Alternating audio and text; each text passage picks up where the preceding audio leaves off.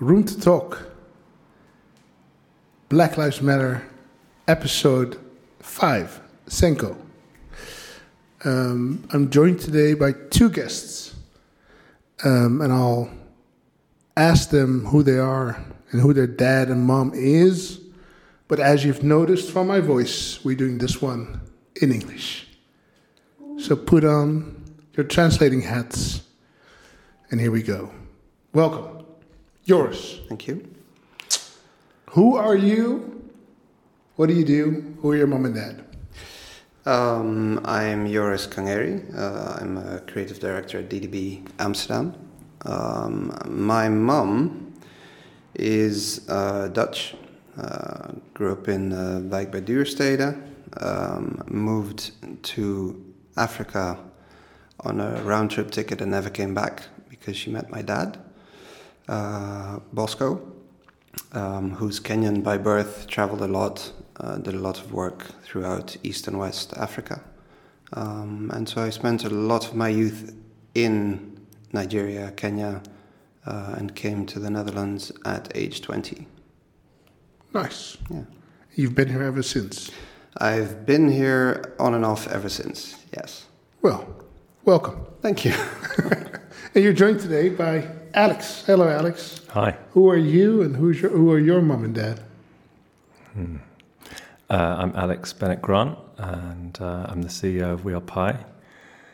My dad is Trevor, Trevor Grant. He is from Jamaica. He moved to England at the age of 15, like maybe um, a few years after the Windrush, which has become famous now and uh, my, met my mother in his 30s and her 20s, who is Christina Bennett, who is half Greek, half English. And uh, I've been living in the Netherlands for 13 years. Wow. 13 jaar. How is your Dutch? Good. Yeah? Yeah. Nice. This is not Dutch. We're not speaking Dutch. Welcome. Thank you. Um, what was the main reason for Jamaicans to travel to the UK back then? The motherland. Ah. Um, obviously, Jamaica was a colonial uh, region, part of uh, the British colonies. And um, my dad is the youngest of 11. Wow. And so he grew up in the countryside just north of St Anne's, in the north side of Jamaica, the nice, the beachy side. And um, and he grew up with a wealthy family, considering that they were black. And um, but by the time my dad came of age or became a teenager, the family had either lost or almost lost all the money because the British government was in dispute with the Jamaican independence movement and essentially were um, pulling out because they'd been told, hey, we shouldn't really be doing this anymore and the country wants to be free.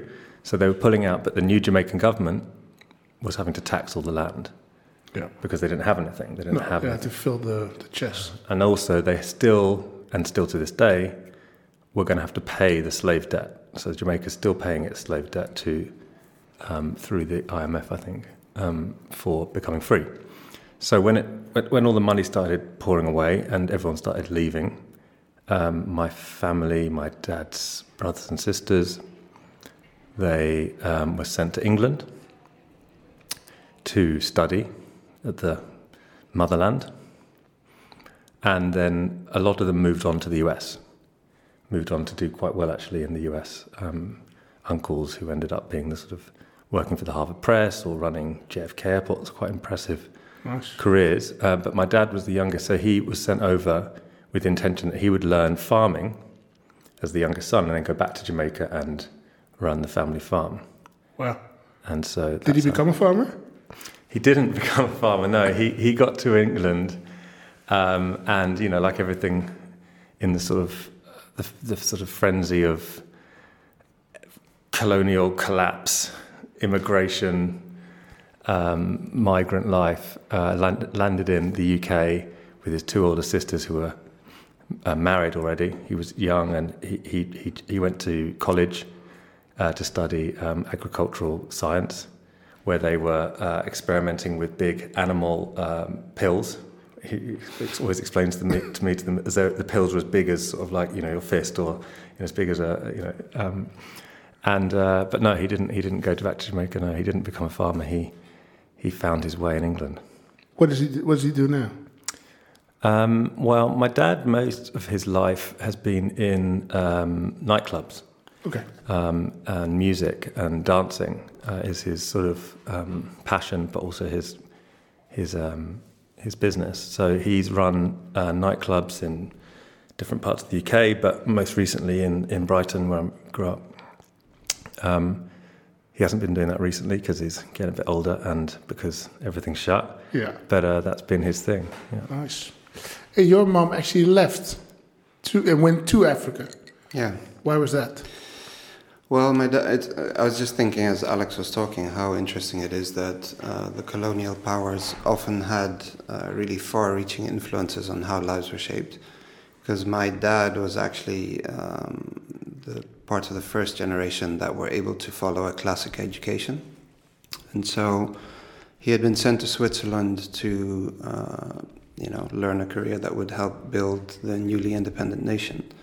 Um, and his chosen profession was in hospitality. So he uh, is a hotel manager by trade, by training. Um, later became an economist.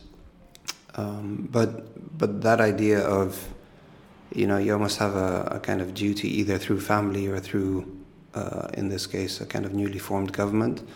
Uh, went over to Switzerland, met my mom in a train, which is a whole other story. Um, Sounds like romance. it, it was a, it's an amazing story, um, and so she went to visit him and never came back afterwards. Nice. Um, yeah, it's uh, forty odd years ago. but they lived together in Nigeria, not in Kenya. They did, so they moved around Yeah. um, depending on where the, the contracts were and that kind of thing. Did she pick up a job?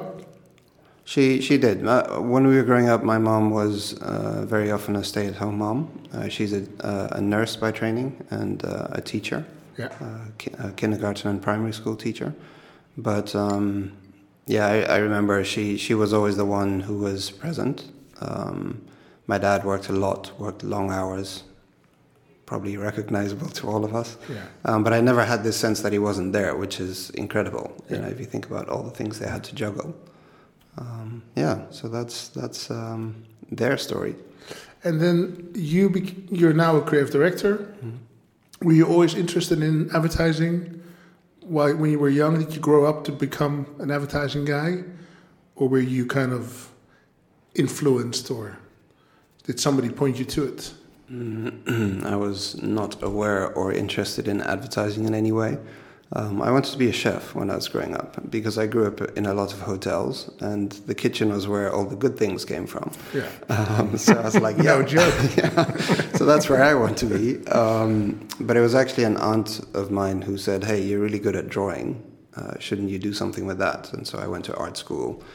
Realized that I didn't do very well in this super unstructured, vague world of art.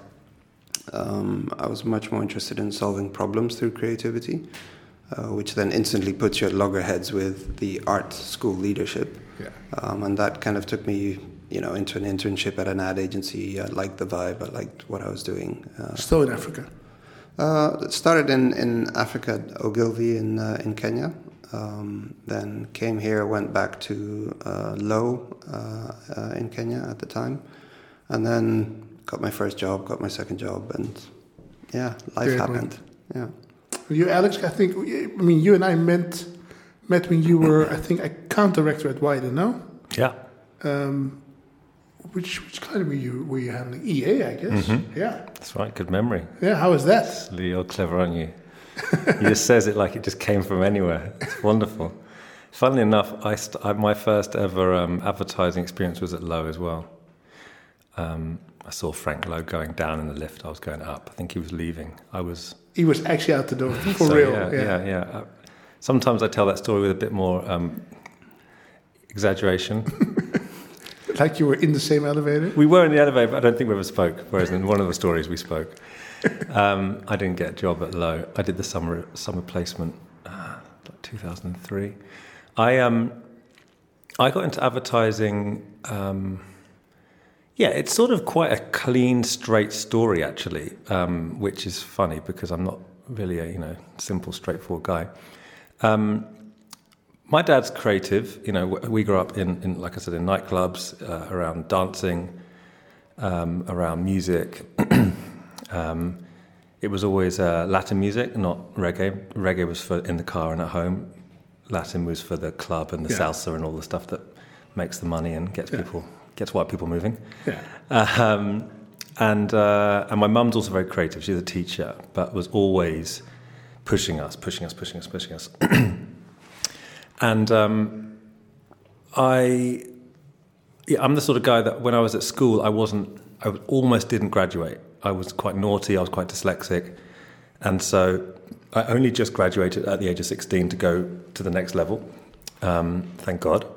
Um, and then I sort of got better from there. You know, up until that point, I wasn't very good at it. But the less you had to focus on, the, the more I was able to sort of um, focus. Uh, and so at college, I sort of got a bit of momentum, and then I got into university. Scattergun approach. I didn't know what I was going to study. It was just like university is a thing.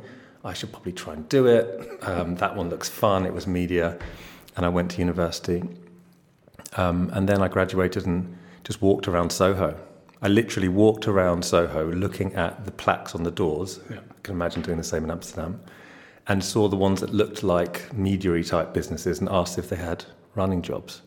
The first place I went into was, uh, well, the first place I got a job in was uh, um, Molinare, which is uh, off, um, um, which is just in the centre of Soho. And I think I got a job because the woman who ran it, the MD, was married to a Jamaican. I swear, she said to me a few, a few months later, it's like, I saw you and you just looked like it, well, it could be one of my sons. And I thought, I'll give this guy a chance. Nice. Yeah. Great. Yeah. And then what made you make what what made you do the jump to Amsterdam then? Well, I got into TV um, as a runner, and um, and uh, you know I was broke because I used to live with my auntie uh, in Islington, so I was paying either no rent or very low rent. Um, it's the only way to survive in London if you work in media. Um, and then I sort of tried to work, you know move my way through the TV world. I sort of thought I wanted to be in the TV world, It's much more interesting than advertising looked. Um, but the just money was just there's no money. I think I was on nine thousand pounds. Um, and then I got a job in TV uh, sales Yeah. at Channel 5 when that was a hot new channel, when there was only four channels and then they made the fifth. You can imagine that idea. Um, and in, in that, I was terrible at that job. I was awful. I was really bad. I almost got fired um, because I forgot to book Kanye West's first album. Wow. Um, my job was to literally book ads on Yeah. ad space, and it was like it's like a sort of really crap version of um, of being a trader, I suppose. Yeah. But I just didn't get it. I'm not very good with maths or with anything in that job, uh, and I got called into an office and taken out for lunch, which seemed exciting. Uh, to which they said, "Look, you know, you forgot to book um, a really important new artist, new album. Uh, we lost like sixty thousand um, pounds of revenue. What do you want to do?" And I and I'd luckily had been applying on the side to the summer program at Lowe's, and so I got this uh, internship at Lowe's and said, "I'm going to quit." And they were they looked so Happy. pleased. They were just like, "We don't have to fire this kid. He seems pleased about it." I didn't get the job at Lowe's. I ended up at McCann, um, and then after a few years of that, I um, I was looking for something different. So I I um, started opening my eyes and discovered This- Wieden and Kennedy actually, Yeah. London. Okay. Yeah, London, and uh, didn't get that job. But they liked me. They thought I had something about myself, and so they put me onto the Amsterdam office, and here I am. See, it's crazy for me because um, I'm I'm born and raised Amstelveen, so can't get more Dutch than that. Um, and I always looked at the at the, the worlds in which you guys actually grew up in advertising, especially in, here in Holland, the expat, more international focused world, and I always wondered how how how the conversations at that.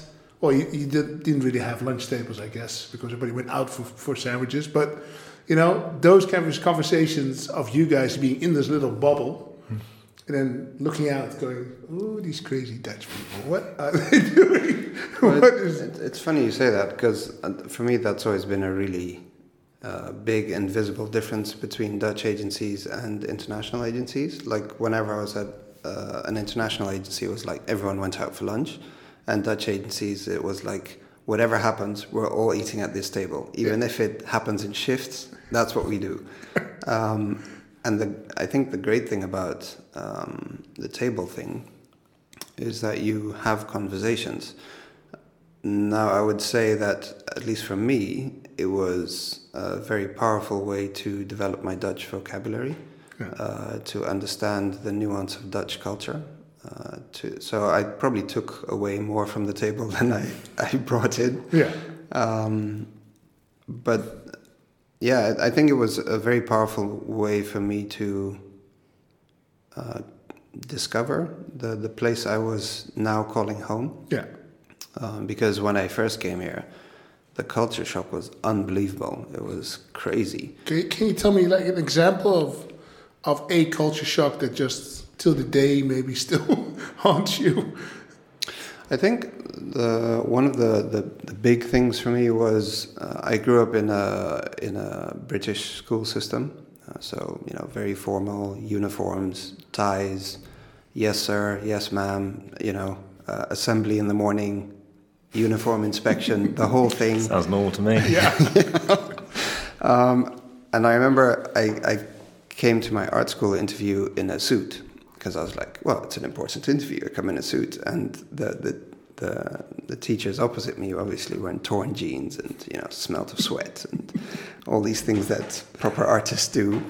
And um, but there's a kind of uh, casualness to the whole thing that I think even till today, you know, I, it's just not my system. oh, crazy. Um, and and with that came a kind of um, I don't know what the Dutch word is, but in English I always find flippant is is a good word. There's a kind of disrespect almost in between generations, and it's often attributed to like oh you know these kids are just like that. Not where I'm from. It was like you know Much more strict. yeah these are your elders respect them. Yeah, Um, so that to me was a really big, you know, the, this whole notion of respect in in all facets of life uh, was a really big thing for me to get used to. and you, Alex, how, how much culture shock did you? Oh, it wasn't. It wasn't a culture shock, man. It was just great. I was just. I spent. I've been here 13 years. The first five years, I was just right up there, Party. floating around in the bubble. You know, party, discovery. I was so pleased to be here. I couldn't believe it. I didn't mean to be here, and when it happened, you know, it's just like the, what just happened to me. You know, um, it just shows how small my um, worldview was before I came to Holland. So.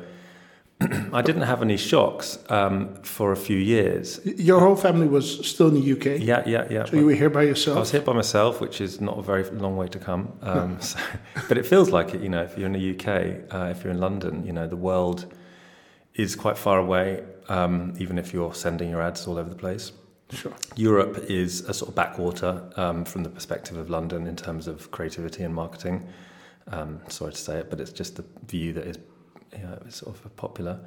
Um, and so I discovered the opposite, right? I discovered I, I moved here and it was vibrant and open and uh, exciting, and there were Americans here, which you know I don't really know if I knew many Americans uh, professionally before that, um, and they were African Americans too, which was like I think the first people I met at Wieden were t- these two African American guys. And I just was just like this is the coolest thing that's ever happened in my life. and they're talking to me as well.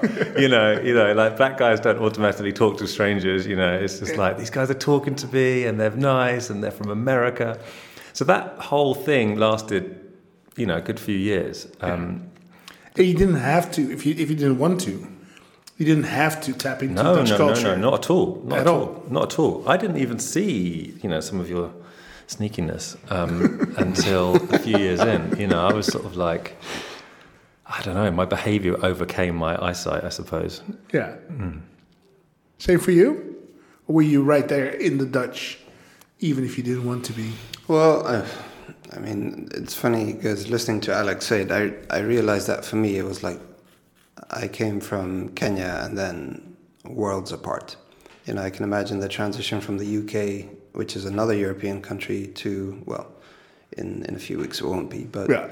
um, but to the Netherlands, that, that feels like there's a bit of a buffer there. Yeah. Um, I was staying at my aunt's house uh, on my Dutch side of the family, so all white. So I, I can imagine that that increased the shock. Yeah. Um, because it's a, a small town called Vlaardingen, which is a suburb of uh, Rotterdam. So it's like, you know, suburbia, proper Yeah. suburbia. Um, with uh, you know, and I came in, and you know, it was all about the R and B and the hip hop, and you know, um, and they were all about death metal, and, and you know, so uh, there was a bit of, of friction Small- there as well. small yeah. one. Yeah, but um, so so for me, I think it was really those first formative years uh, where I was just trying to find my place here. I think though, as a result of that, I I started to understand the codes quite quickly, um, and so I found that uh, as I grew up uh, in this industry, people would very often ask me stuff because I was this weird go-between. Between, yeah, between Dutch people and international people. I'll be like, yeah, yeah, I get it from that perspective, but I also get it from that perspective. Um, so, yeah, I, I had my shock much earlier, but maybe as a result, I feel more resilient uh, with everything that's going on now. Yeah, let's fast forward to now. How is this for you? This new world that's approaching, this horizon that's being slowly but surely lifted. Well, first of all, I just want to say this is lovely. Well, It's it nice to be invited. It's really. Uh, um, I could almost say that this is the the best of and the the great, you know, result of what's going on. Yeah. This conversation, meeting you guys, um, and the other conversations I've been having in the last few weeks. It's been, it's been quite a sort of overload. Some of them too much. Some of them, you know, we can talk about that. You know, being asked to be the the voice of blackness, which is, com- you know, be confusing and also hilarious at some point, uh, uh, and disappointing, and all the different things it can be. But, but, but on the positive note, a lot of the conversations I've had in the last few few weeks and days has been eye-opening and reassuring and uh, energizing and exciting, and, and and I sort of. I was talking to my dad yesterday about some of the stuff that I've been talking to people about, and you know, my dad brought us up completely in a bubble. I'm used to living in bubbles, Yeah. actually, um, because you know it only was sort of revealed to us later in life that you know my dad had had a really hard time, and that you know, that, and, and everything we knew about the UK and, and racism, all that sort of stuff. You know, he's sort of like a, he's a big character, and he's a popular guy, and he's and he, you know he, he he brings he's got a lot of swag, and so it was only later in life I discovered that it was really hard. Um, and I was talking to him about the things I've been hearing and experiencing, and he was just so excited, which is strange because a few years ago, I swear, he would say, I've never experienced racism. I don't understand why you keep making it a big thing. You know, it's a generational thing and also just a protection thing. Yeah. Um, and, so, you know, the band aid's been ripped off for everybody, including white people. I, I- but I, I recognize this. This part of my mom did the same thing. All of a sudden, not last weekend, the weekend before, she said, "Now I always thought Zwarte Piet was uh, was racist." I was like, "But, but mom, you never raised me Yeah. with this. You just let me run around. I mean, I was Zwarte Piet for many years myself. I was just blackface myself. Let's go out. To the day, I have no recollection of it being racist or being called racist by my parents. Well, my dad was different. My dad had black black Santa every year. Black Santa, no gifts. Black Santa this year. okay, Dad, fucking cool. Um, what a great revolution we're going through. No. But but my mom, all of a sudden last weekend she went, no no no no, that's racist as shit. I'm like, dude, really? Fuck me. Yeah. So I recognize that a lot. You? Did you? I mean, you were I- here by yourself still. Well, I mean, uh, the, the thing about living in um, in- Vlaardingen? well, no, not even in Vlaardingen, but even places like you know, uh, I lived in uh, Lagos for a while, in uh, Nigeria, in Nairobi. But the funny thing about uh, the Dutch, I guess, like any other uh, groups outside of their own countries, they they form their bubble. Yeah. But this bubble, if you're Nigeria and Shell is a really important player in that country, will organize a proper tugboat with Sinterklaas and Zwarte Piet in 30 degree heat. And they'll actually have him come to the to the mainland as if he's coming from Spain.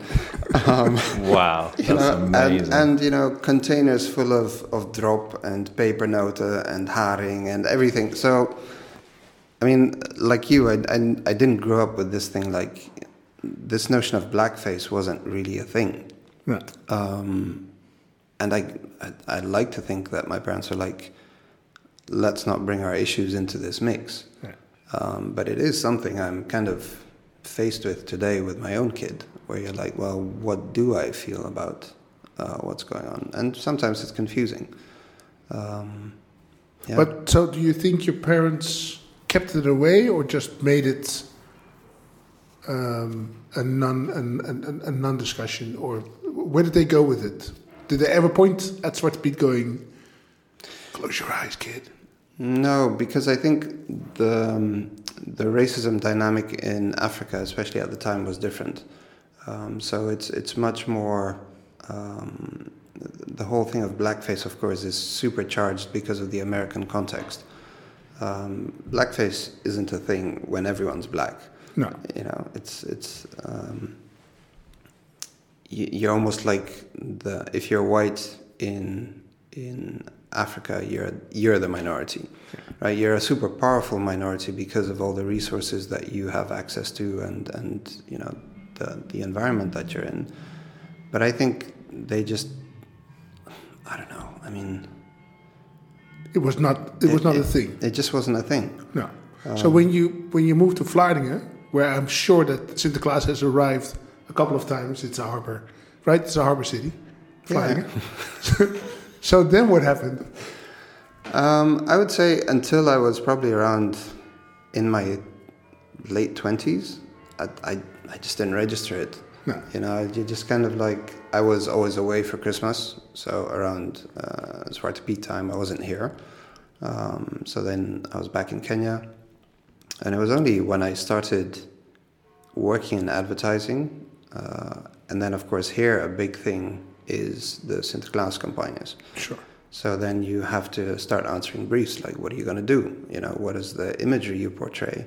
And thankfully, I haven't had to do that for a couple of years. But in those first few years, it was like literally right. And now we're going to shoot Zwarte Piet. And I always remember being super conflicted about it. But I guess as a as a when you're starting out, you're like, oh, you know, it's like, oh, my job. What can I say about it?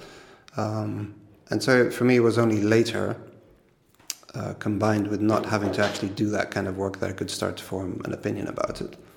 Because if you think deep, do you think your reason for working for international clients and not for Dutch clients has something to do with being able to position yourself towards these kind of cultures differently, or is it just the way it went? You just, because you were bilingual, easier put into that position. Yeah, I'd like to say it was a super conscious decision, but it wasn't. Um, I think I find it easier to work with people with different points of view. Yeah. Um, I find it very difficult, um, even when I visit family who live in these small towns with fairly extremist points of view, uh, to to have a really open discussion because what they're actually looking for is you're enough like the other guy to understand their world, but you're close enough to me to understand my point and kind of pulling me towards their point. So I remember when when the when the um, the hijabs and the burqas were a thing, people like, you know what I mean. I was like, how do I know what you mean? you know, it's like I'm not Muslim. I don't wear a hijab, uh, but I do know that you're trying to get me to, to agree with you against the other guy, um, and I that that is. Um, But that happens more so in Dutch culture than it does in non-Dutch culture. Is that what we're saying? Is is I mean, coming from the UK, No. you feel UK is more or less racist than the Dutch. more successfully racist. I'm afraid to say. You The Dutch, the Dutch are more no, the, successful. the Brits Oh, are the much Brits. more successful. More at it. overtly racist? No, I think that um, look. The funny thing is that when I when I moved to Amsterdam, I uh, you know it took me a few years to sort of come to this realization, but I I was sort of running away from um, this sort of very classic hierarchical um, sort of patriarchal white British upper class advertising scene. It's just and you know as a young mixed race kid you know, there's there's there's only like you'll only ever see like one other black person, brown person, even any type of non Color. Yeah. outside of the finance department in, in British advertising. So when I was looking out into this thing, I would be like, you know, this is not a place I'm going to succeed in. Um, and you know, I'm not I'm not shy, so I wasn't going to be sort of like quietly, quietly. I was sort of, you know, I had opinions, not about race, but just about like everything. Yeah. Um, and so when I moved to, to Amsterdam, I was running away from that. Um, and Amsterdam was just free and, and, and international. It's not about Dutch culture; it's about Amsterdam and what it offers as an international, you know, hub. And that is one half of Dutch Yeah. culture, right? The international hub. You know, the country is, in its essence, and has always been an international hub, and it's been purposefully separated. You've got two halves. You've got Dutch inside and Dutch outside. Yeah. I'm part of the Dutch outside mostly. Not not so much anymore. I've got a daughter who's Dutch and a wife who's Dutch, but most of my experience has been the Dutch outside, and it's fun. You know, like if you guys seen what you look like in PR as a nation, you know, you're the most progressive, you're the most liberal, you're funny, you're witty, you're you know this European, wealthy, just fun. I'm, bl- ju- I'm blushing. Yes. yeah, it's just a fun place to look into from the outside, right? Yeah. And I think the Dutch know that. I think people appreciate the fact, small nation, you know, like, but everyone, you know, everyone likes, everyone's second favorite football team is the Dutch national team, right? It's just, so I've pretty much, you know, Amsterdam offers you that. Uh, you can live your whole life in Amsterdam living in that international Dutch thing. And there's the other side, which is Dutch culture. And for all of history, as far as I can tell, you've separated the two. You know, you didn't even start using this. You, you, you traded the spices, but didn't use the spices. That's how separate you kept it. Yeah. You went all the way over there, came all the way back with all the spices and everything, and you were like, nah, don't want to use this. Just going to stick with potatoes. Yeah. And so when it comes to, uh, you know, um, questions about um, race and, and sort of otherness, it's, it's just been so clearly separated. I think that's part of the Dutch DNA. You guys had what, like segregation until the 70s? Yeah. Pretty, you know, uh, apartheid nationally, with Protestants, Catholics, like you've done it Yeah. pretty much consistently throughout Dutch history. Um, Yeah, and we've made it a point yeah, yeah. to actually be able to say, to do the shimmy, to do the okie doke. So much as we to get to your question, is who's more successful or who's more racist? I think the Brits were more successful in exploiting black people Yeah. and more successful in creating the rule book of racism. You know, they, you know, they exported it to the US, across Africa, into Asia. Um, the divide and rule concept, pretty successful, right? Yeah. Um, but they also brought some black people back to England um, and had to deal with it when they did that. Um, I think Holland, having done colonialism slightly differently, kept it more separate, right? You know, traded but didn't Yeah. bring too much back. Um, you guys have had to sort of deal with. Yeah, up until the 70s. I think in the 70s we started finding all these gaps in our economic system Right. that could be filled easily by Yeah, some Turks and some yeah, Moroccans Turks and some, and some Surinamese and guys. Suriname. And, Yeah. you know. um, yes, but still, then looking at the time we're in now, what do you see mostly? What what, what is your biggest revelation about how it's going now in comparison to I don't know?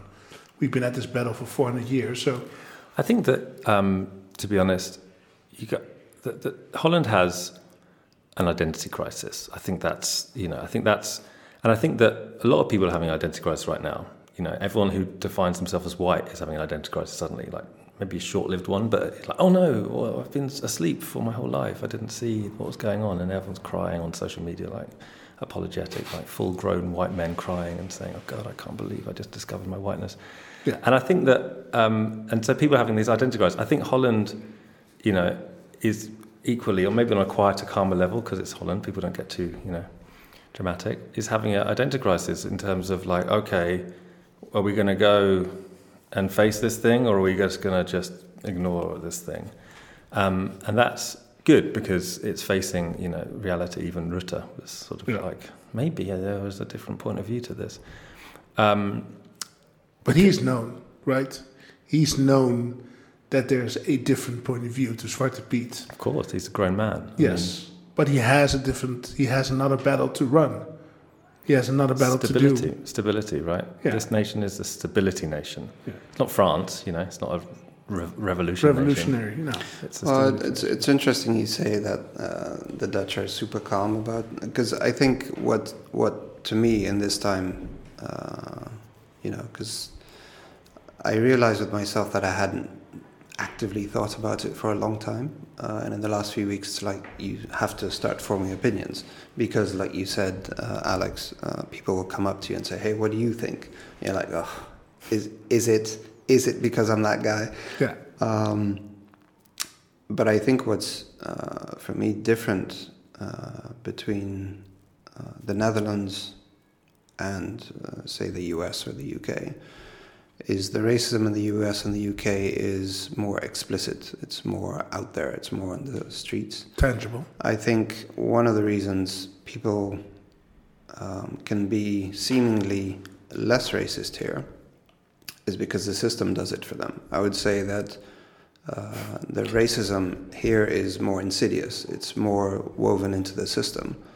Um, I remember, you know, I, I bought an apartment um, and it was above a certain amount of money, but because I don't have a Dutch surname, you know, you- you'll you'll buy this house and they'll be like, oh, it'll take a week or so to, to get the thing approved, and it didn't. It took like a month, and so I called uh, uh, my financial advisor and I was like, what's going on? You know, because uh, the sale might not happen. Uh, stress. Yeah, And and, you're was- a creative director, so you make enough money. Yeah, and you're like, okay. Uh, and he was like, uh, well, it's because your application first has to go through the Financial Crimes Division, and then it has to go through the IVD, which is the intelligence services, because that amount of money from someone without a Dutch surname immediately raises flags.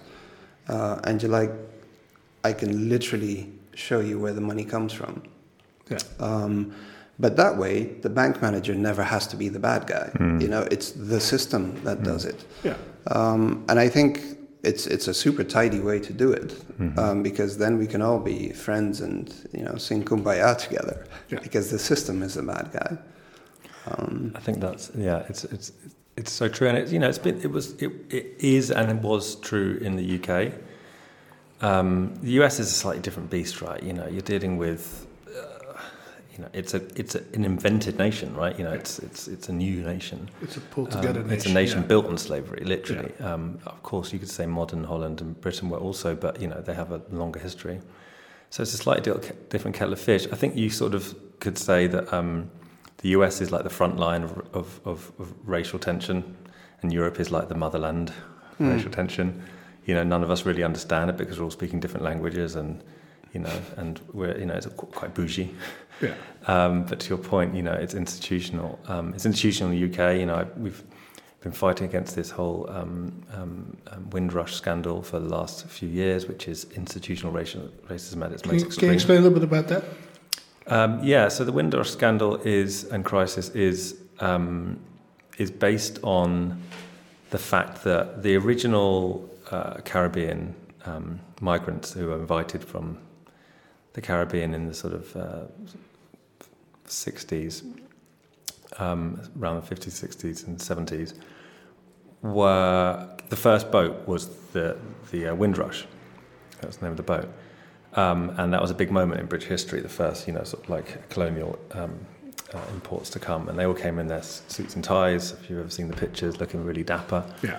Um, and they became, that generation of uh, Caribbean people ca- became the foundation of rebuilding Britain. So it was like the bus drivers, the NHS, um, the, the National Health Service, all of these important jobs.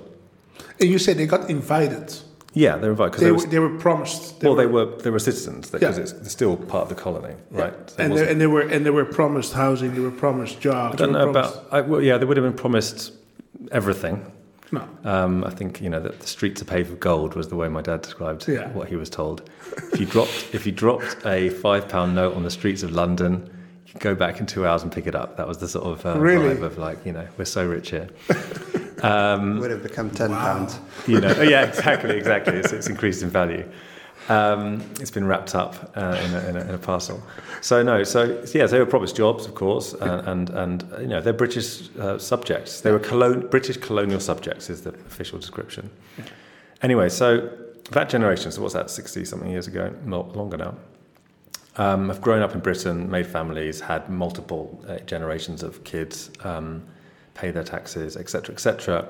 The new British government um, created a law, sort of intertwined with this whole Brexit thing, about you know making it much more difficult for foreign um, people, for immigrants, to stay in the UK uh, under certain um, under certain circumstances, if they've had any brushes with the crime, if they haven't got their paperwork in order.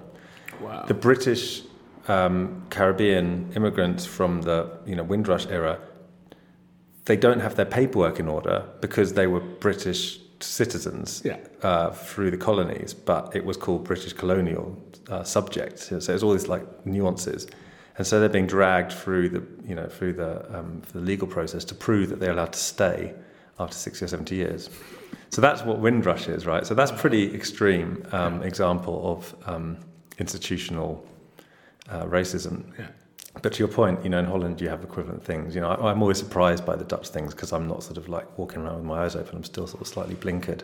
It's like you know, you've got the white schools and the black schools. Okay, what's that? I don't really understand that. You've got the you've got Zwarte Piet over here, and I'm like, this I this is just so mad. I don't even know how to like. How do we?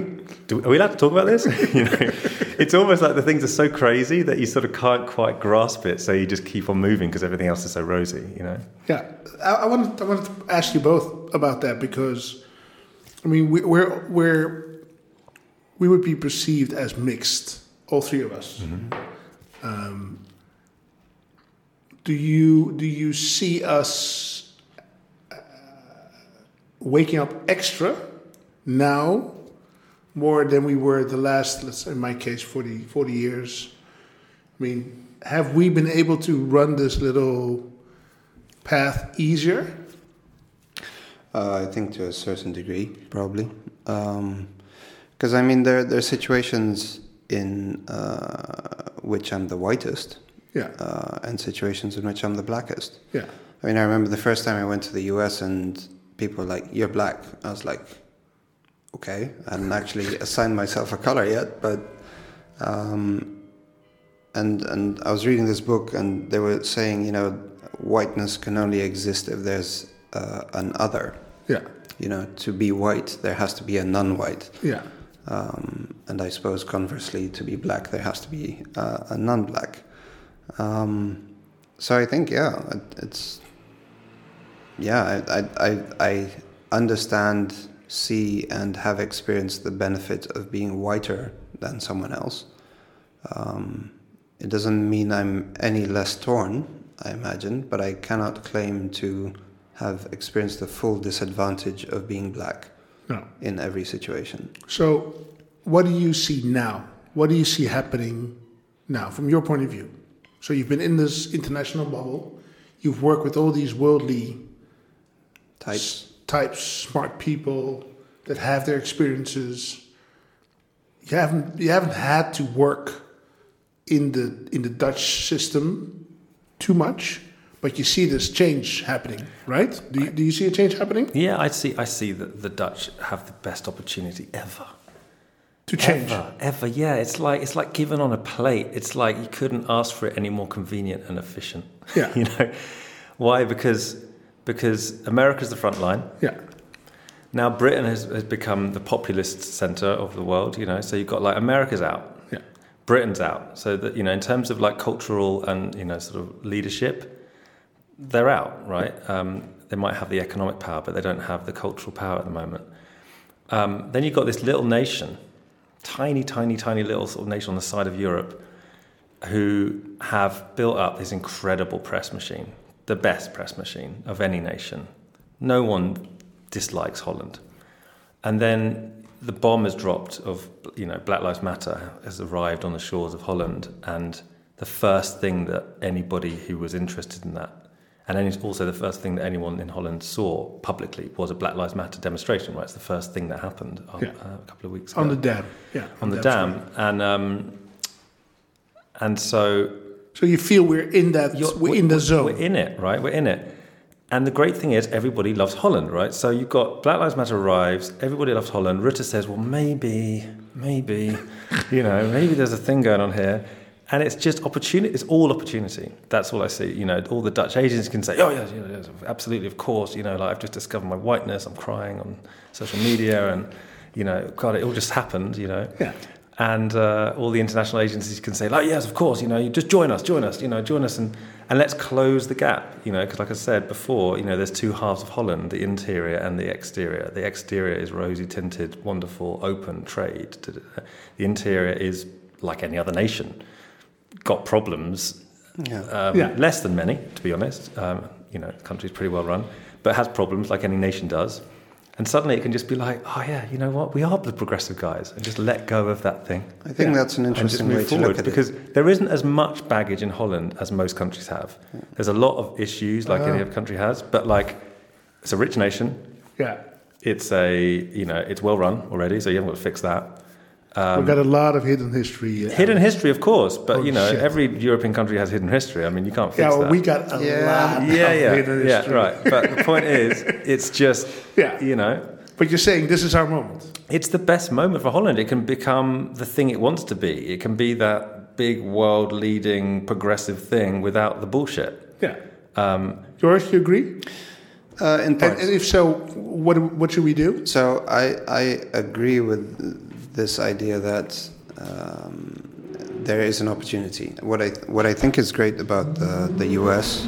Uh, as the kind of first case, the, the the frontier, is all the issues are there, right? You've got uh, violence because of race. You've got um, uh, systematic oppression. You've got all these things, and so you could basically say they've kind of set out the palette. Like these are all the things that are are going on. that you could get wrong. Yeah, exactly. This is all the ways you can fuck up. Yeah. All the examples there. Yeah, and and so what I see happening around me is, for example, in Kenya at the moment, the Black Lives Matters movement is about police brutality. That's kind of a major, major thing.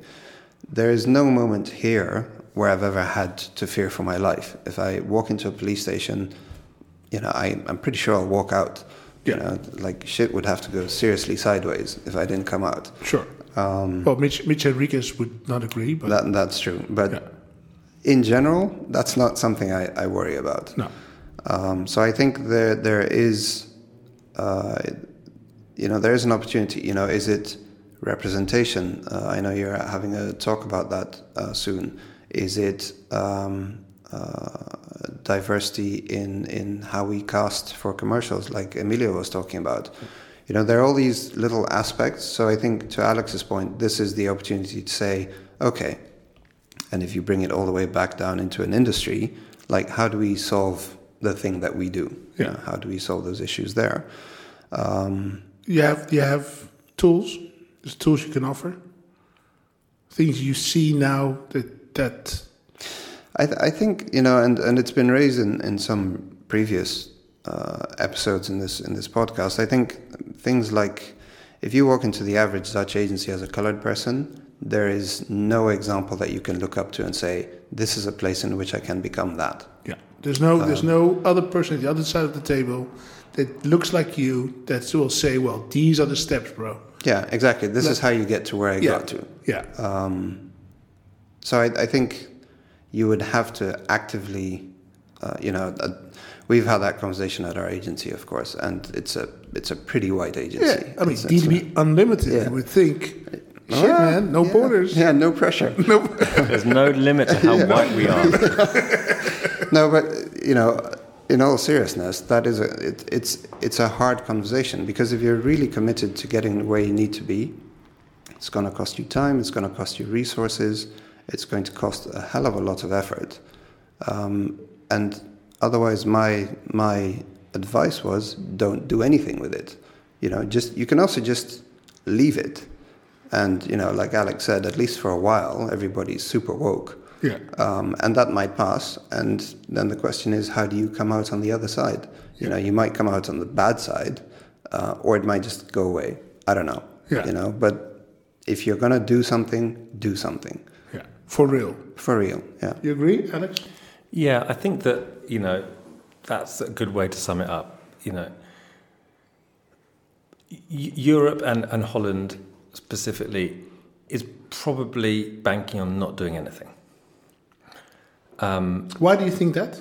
Because, like I said, it's Europe is not the is not the front line. It's it's it's no one's looking at into the you know details from outside, and within the country, like I said, you know, it's some of the things you'd have to unpick to change things are systematic. It's quite difficult. But you don't think that, that the generation after us is already in a more woke state than we were Yeah. we ever were? Yeah, I you're, think- you're, you're, I do you're not. nodding no. I No. think I think some in some ways they are, but I don't think that that is enough, um, given the way the nation is built. You know, it's sort of built on a stability. Yeah. You know, it's built on practicality. Yeah. Practically, it wouldn't be good for us to have a demonstration right now. Fire the mayor, you know. Yeah. you know, practically, like we're going through COVID. You know, we haven't got time for this stuff. Like practically, it's just keep the status quo.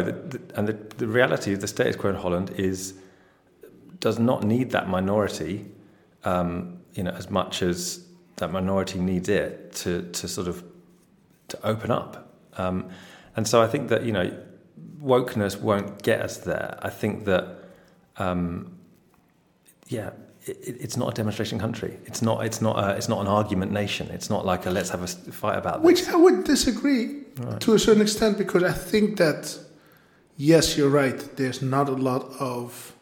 I mean, it's not every week that we have a demonstration of 5,000 to 15,000 people in the streets. True. But during the anti apartheid time, this city, for sure, Amsterdam, also Utrecht and Rotterdam, were hardcore anti apartheid movements that were walking the streets every month. So it is somewhere in our DNA. It's just been it's just been put to sleep uh, because we had other stuff that was, you know, distracting us, it like good salaries or whatever. It definitely feels like it's put to sleep Yeah. uh, from my outside perspective because, you know, when you're looking from the outside and you look at the different countries, you know, it, Holland is, like I say, it's like, it's it's got the better setup. Yeah. You know, choose to live somewhere else, to be honest.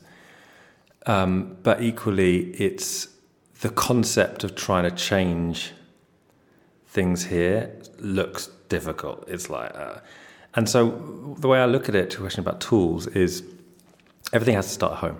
Yeah. You know, I said to my agency a few weeks ago, I was like, look, you know, You own you own your agency. yeah, and and so, you know, we have an advantage in, in some ways because you know we're independent and we're small, and I run the business. So, you know, in this particular topic, Yeah. something we can sort of like master or should be able to master. Yeah. Um, and you know, I said there's a couple of things. First one is it's really difficult to resolve this topic of like race at home Yeah. in my own family. Yeah, You because know, your I- wife's Dutch. my wife's Dutch. Yeah. My mum's British, Greek British. Yeah. And so, you know, like you've got to start there. You know, you've got to look at home and go like, have I resolved these things at home? If I'm even able to sort of like contemplate resolving them at home, then maybe I'm able to contemplate resolving them at work. If- Uh, Were you? But did you have to resolve something at home? Were you yeah, ever? you always do. You always do when you're in a mixed race family. There's always two sides to the story. There's always you know different worldviews. There's always um, skeletons. You know that's just the nature of any family. I think it would be the same if it was. I even see it in my dad's family. Like some of them are Republicans, some of them are Democrats. You know, it's just like Yeah. it doesn't matter which bit you look at. There's going to be two sides to the story. Um, some of them aren't as violent as what racism can be, but No. at the same time, they have to be either looked at and discussed or, or just hidden. Yeah. Um, And you would transport this to your to your place of place to, the, of work. to the agency first, you know, you've got to start there. You've got to look at the place and go, okay, can we, you know, we have the advantages that we've been quite progressive um, by default in the area of race, the work, the processes, etc. But we also, you know, aren't perfect. No. And so we've got to look at where we are lagging and try and fix those things. And I think that, you know, if the Dutch and international agency scene here does the same thing, then I think it's the most healthy way to make progress, as opposed to trying to fly flags and. Yeah, but this, this what you're mentioning now still feels like a piece of paper with some uh, with a with a poem. Hmm. But but if I'm asking for the hammer, then how do you see that actual actual change? I mean, do you need to change We Are Pi from where it was four weeks ago, so before the 25th of May? Yeah, I think so. I think that, for example, um, you know, we've got all this stuff that we're like, yeah, great, you know, great, you know, the work we've done, um, the extra work we've done, let's say, in terms of editorial work on top of the ad work to sort of push the agenda of inclusivity, diversity, different voices, getting them, um, them heard. So that's like the positive stuff. And then you've got the sort of how we interact with clients and deal with topics of race if they come up there. And I think that that's the area that we've got to um, formalize. Yeah. You know, up until now, it'd be like we would tackle each thing individually um, and, and sort of like proactively, if you like, because, you know, we choose to. Um, and I might sort of be rolled out to say, hey, you know, we're going to do it like this as opposed to doing it like that. And it's like, okay, we have a discussion and then, and then we you know, hopefully come out on the right side. I don't think, I think this, like I said about opportunity, I think this moment gives opportunity to say, no, it's not going to be informal. It's No. going to be formal. It's going to be like, It's we're going to write it down, we're going to have pledges, we're going to have commitments, and we're going to tell our partners, whether it be clients or production companies or just our staff, this is how we roll. This is what we do when it doesn't work out. This is how we resolve it, ideally. Um, and that's a great that's a great thing about this moment. We can point to it. We can say like it's the way. It's Yeah. not the feeling. The feeling is the worst way to operate when it comes to race and business because the feeling is so crushing that, that it's almost like you'd have to unravel your entire life history in order to get through this one conversation about the black guy in the ad. Totally. You don't want to do that. You want to just go look at the pledge, look at the commitments, look at the handbook, This is how we're doing look it. at the sign on the door, and if you walk in that door, that's how we roll. Um, But now you own you own your company. You don't. So how you how you what is your next step or the step or is there a step? Well, I think I think um, the one thing I would like to think I can do, uh, even within the system I'm in, is to be an example for the interns that come in, for the the, the kind of junior creatives that we hire, Yeah. um, and even even if they're not uh, black or mixed or whatever, to say, listen, here's here's what I can share with you of my experience in getting to where I am. Yeah. Because I've often had junior creatives who'll be like, "Oh, you know, Joris, I'd really like your job," and then you're like, Haha, "If only you knew how many meetings are involved, you would not." No. Um, but in that advice, I can create maybe a more aware uh, person. Yeah. Uh, you know that not everybody's path is the same, and not just in terms of how creative your ideas are, or how how much fun you are, or you know the parties, but also just in the life lessons part. And I, I, I think that that you know to your point about it starts at home it's also in how you approach people because i think the the the mistaken thing that a lot of people have and that's probably why a lot of emotions are raised the minute you throw the word racist into a group is that people assume that a racist is you know your confederate flag waving redneck in a pickup truck it's Yeah. not you can be a perfectly nice person and still be racist Yeah. Have a privilege. and Yeah. From there, your racist, racism comes. yeah But I mean, your clients, for example, will they see? Will they experience a new yours now than they would have four weeks ago, or do you feel you're as you're still the same person? You're still the same advisor, the same visionaire. I think um, I've been lucky to work on clients that didn't have that issue. Uh, I've worked on Heineken, who are you know pretty aware already, simply because of the nature of their business. Um, I have had conversations where you'll get to cast the black girl, you'll do the shoot, and six rounds of retouching later, that girl won't recognize herself No. to the point where you actually send her an email and say, "Listen, this is what's going on, so don't be surprised when you don't recognize yourself in this ad." Uh, you raise an interesting client because all three of us um, have worked for them. Um, they're good clients. We have we have good relationships with them. Mhm. You can say that, right, Alex? Heineken. yeah, yeah, yeah, yeah. Sorry, I wasn't sure who you were talking Um, about. But I do feel, and I think maybe international, it's it's it's a little bit less um, um, of a discussion, but I do feel, especially in the Dutch side of Heineken, they're looking for their new, you know, their new positioning, but they're not pledging, committing like Alex just mentioned. I mean, they're not. They, they, their their website is not doesn't have a section that says culture like Netflix does, or like you know. So so there is a. I mean, it could also be a fake reality that we're thinking that we're getting into, uh, that will not change or institutionalize anything else. Then No, I think it will come. I think it will come from different places here because, like I said, that's the international versus Dutch Yeah. situation. Um, the Dutch has both sides. Um, I think that no Dutch brands I'm aware of, um, even the international ones, have you know have stood up and said, "Hey, you know, we're going to stand for this." Tony did. Tony Chocolonely. Tony's always standing up. Oh, yeah. Ta- Tony doesn't sit down. Yeah, yeah. it's chocolate. It's chocolate. Uh, and that's great. No, that's great. It is good.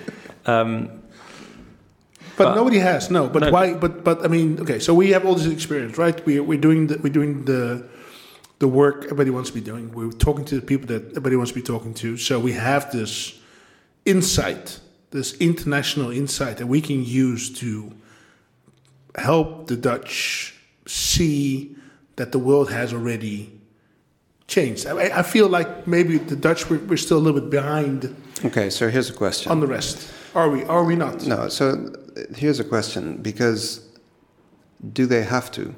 You know, to Alex's point, the Dutch and Europe in general probably are the kind of like, let's wait and see where this goes. Yeah. You know, it might just pass by like a storm or like a ship in the night and everything will be cool. Yeah. I think there is a, um, a perfect storm of people not having anything to do during coronavirus, um, people not spending money uh, for various reasons, having lost jobs, you know, that Yeah. kind of thing. So now we're in a situation where every consumer counts, every consumer's dollar counts. So brands that would say, well, in the Netherlands it's mostly white, so let's just focus on the largest group. Now we're in a position where they have to say, well, actually, I need every dollar. I need it to work really, really hard. Yeah. Um, so I, I would say that for a lot of brands, that is the reason to, you know, stand up and say, oh, we're all for this as well. Yeah. Um, so it's all the more remarkable that no Dutch brands have done it. Um, And why is that, do you think? it might be that that group isn't big enough. I also think that you know um, you need a leader. You need a leader. You know you haven't got Rutte is is an incredible pragmatist. You know, um, you know he's playing both sides of the field, if you like. You know, which of course you need to do in, in this constitution. Um, so he's done a good job for himself and for the party. But you know, there's no sort of like leadership that says that that this is a cultural thing. And if it, you know, and, and which is why a lot of brands have said, well, it's not a cultural thing. It's not, you know, It's a political it's thing. a political thing. Um, or, or, Which is, or versa. which is a misdirect.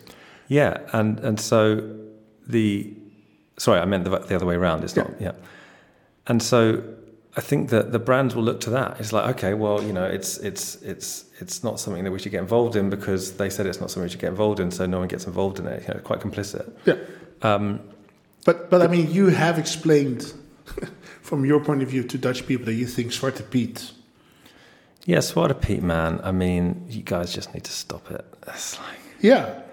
But I think that that is the most exciting thing that can happen at the end of this year, right? You know, oh, yeah, it would be the, most visual thing. yeah, the, and the the energy biggest statement. The energy Yeah. is going to die down in this mo- movement over the summer, and then boom, December the fifth, Yeah. it's going to be. Um, Well, actually, he arrives in November. he does. Santa Claus. Yeah, just around my birthday, it really ruins the whole vibe. um, it's going to be difficult because um, because you know the economy's not going to be back. We're not going to be like all like slapping each other on the back. We're still you know it's actually going to be getting worse and worse and worse, right? Yeah. It's like the last crisis in Holland. It took a, it actually took a couple of years to hit. you True. know. Holland didn't get hit till like 2011, 12. You know, Mm. sort of even later than that, which is um, good for Holland, but. And it's the same thing with this Black Lives Matter app. Now you've got both at the same time. You've got a cri- economic crisis, a health crisis for some people, and then a cultural, you know, sort of um, um, racial, you know, human rights revolution type thing going on. You know, to your point, Holland has been a bit sleepy in its response to these sort of more dramatic cultural events in the last, you know, um, few decades. Um, but it has got a history of waking up. You know, woke up for you know nuclear, woke up for you know um, Anti-apartheid. anti-apartheid. Um, you know, if something this, I've been speaking to people who are in the US, and they're like, you have to, you don't understand how big this is in the US. They're like, this is that. Yeah. This is civil rights movement. This is not another black guy getting shot. This is the whole package. Yeah. And if it's the whole package, just like everything that happens in the US, it's gonna send the wave, and the wave will hit Holland, and it might wake up Holland, yeah. um, which would be good because you know, Yeah, and you kind of want to be ready when it does. Yeah. That's the thing. I think that's that's maybe what our job is. You know, everyone in this room, everyone who's been here before. It's it's more about helping people get there mentally, so that when change does have to, ha- when it has to happen, it's not like oh we didn't see it coming. Yeah. Because you know that that's what often happens, right? It's like Yeah. oh if only we knew, you know. Yeah. I think it would be nice, though. You know, it would be great. Um, we have a lot of power. You know what we do. You know, we get to either make this into Azad with the Zwarte Piet or not. Uh, in the last few years, probably a little bit less, or at least in the cities. Yeah.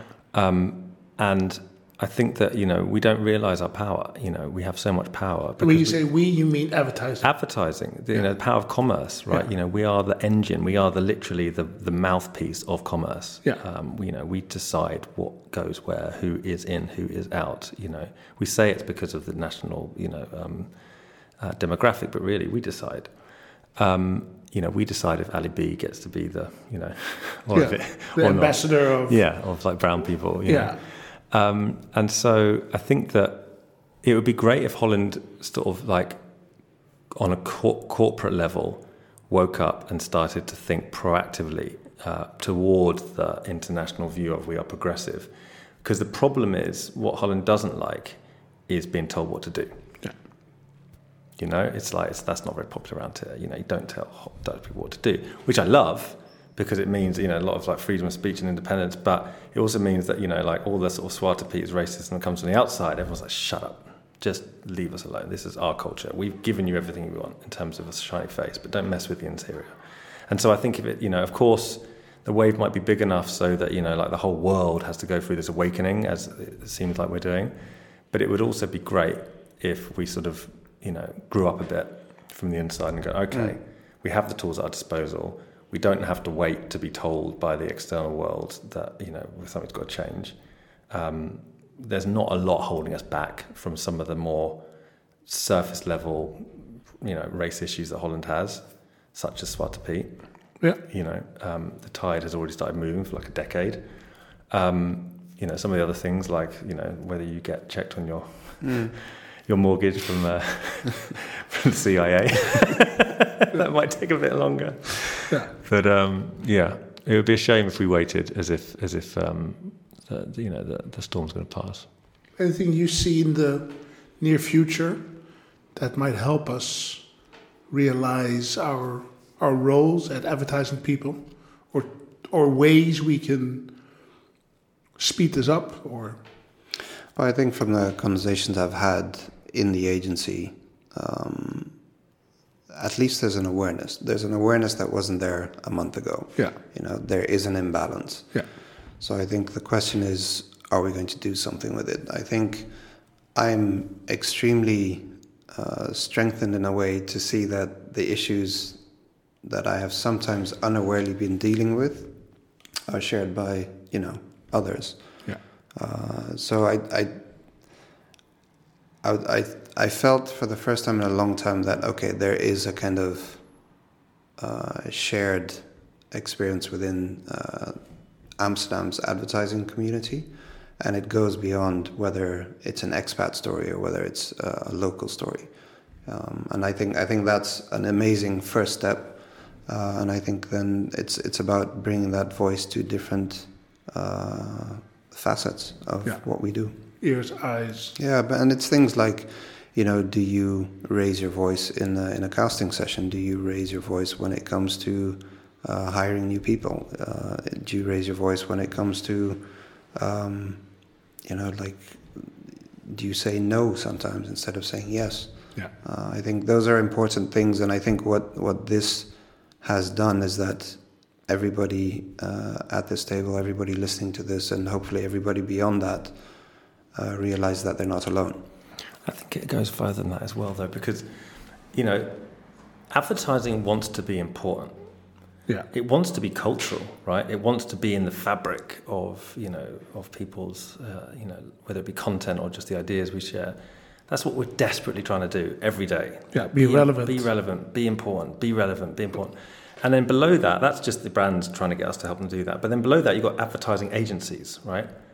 Like, like if you look at the sort of optics, we're fucked. Yeah. Right? You know, it's not like people are sort of like we're stable and we're so stable that we just need to bat off any small influences like this little cultural thing that's going on called Black Lives Matter. Like, make sure that doesn't interfere with our very stable thing. We haven't got a stable thing. We're like standing in sand, like the worst type of Holland. Yeah, that's- that's we're what- sinking. You know, That's one thing that the corona taught me is that we advertising people are not relevant. no. We were not called to come out and help the nation in this time of crisis. We have to fight for our relevance, right? Exactly. And we have to be. We have to have spirit. Yeah. You know, and and I think that that's what this moment gives us the chance to sort of like you know we talk. I talked about Holland might want to wake up a little bit. Adland wants to wake up a little bit. Yeah. Like we're not important. No. We're either we're not relevant. You know, people aren't listening to us. Even most of our clients aren't listening to us as much as we hope them to. Yeah. Uh, and so, you know, what is going to give us the tools to awaken? It's going to be leaning into things like this, right? Because we've got fr- friends, um, I've got friends who have, you know, American clients who are like, you know, what is your diversity um, um, stats as your agency? Yeah. And of course, that can be also condescending. It's like, well, what are yours? You know, but at the same time, you know, those sort of questions start coming down the pipe. Yeah. Um, that represents the extreme future um, that we, we might face. But also, just like, do we have agency?